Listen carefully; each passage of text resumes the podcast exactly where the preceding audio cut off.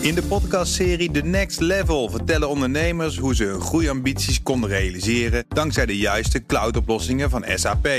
Wat waren de uitdagingen, de oplossingen en hoe ging de uiteindelijke implementatie? Benieuwd naar hun verhalen en hoe zij met behulp van SAP ook hun toekomstige ambities kunnen behalen? Luister de podcast The Next Level via de BNR-app of je favoriete podcast-app.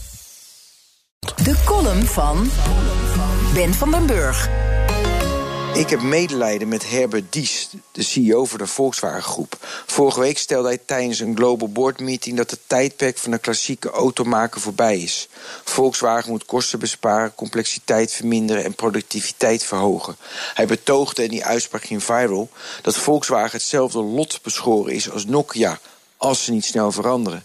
Hij mag dan dit jaar met een arsenaal elektrische auto's komen. Hij is te laat.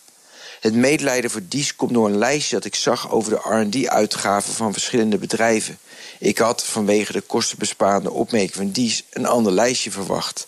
In de top 10 twee farmaceuten, zeven techbedrijven en één automaker. Inderdaad, Volkswagen staat op de tweede plaats achter Amazon voor Alphabet. Dan doe je zo je best. Investeer het laatste jaar ruim 15 miljard dollar om niet overbodig te worden. En dan praat je niet over wat je bent of kan worden, maar wat je niet wilt zijn. Volkswagen is dus het nieuwe Nokia.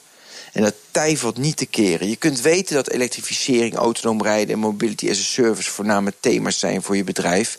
Je moet de groegemeente wel meekrijgen.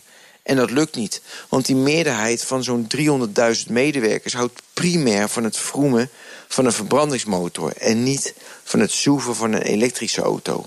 Daarnaast geniet die meerderheid van de medewerkers van een mooie vorm van de auto. Ze genieten minder van de functies die mooie software brengt. En daarom is de vergelijking met Nokia ook zo treffend. Bij Nokia werd lachen gedaan over de eerste iPhone, zoals ze bij Volkswagen lachen deden over Tesla.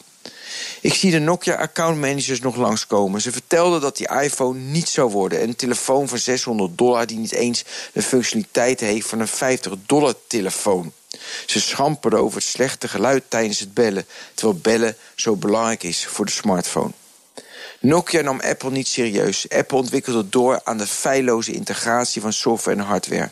Ondertussen bleef Nokia vasthouden aan hun idee dat het bij mobiele telefoons primair om hardware draait. Terwijl toen de kreet It's the software stupid algemeen goed was. Ook bleven ze lang hangen aan hun operating system Symbian, terwijl ze de strijd van Android al lang verloren hadden. Nokia, de mobiele telefoonafdeling dan, stierf. Op zich is het overigens ook niet erg. Je kunt niet eeuwig leven. Tijd voor nieuwe spelers, nieuwe ideeën, nieuwe tijden, nieuwe initiatieven. En sterven kan ook altijd nog in schoonheid. Columnist Ben van den Burg. Terugluisteren? Ga naar bnr.nl of de BNR-app. En daar vindt u ook alle podcasts. In de podcastserie The Next Level vertellen ondernemers hoe ze hun groeiambities konden realiseren dankzij de juiste cloudoplossingen van SAP. Wat waren de uitdagingen, de oplossingen en hoe ging de uiteindelijke implementatie? Benieuwd naar hun verhalen en hoe zij met behulp van SAP ook hun toekomstige ambities kunnen behalen? Luister de podcast The Next Level via de BNR-app of je favoriete podcast-app.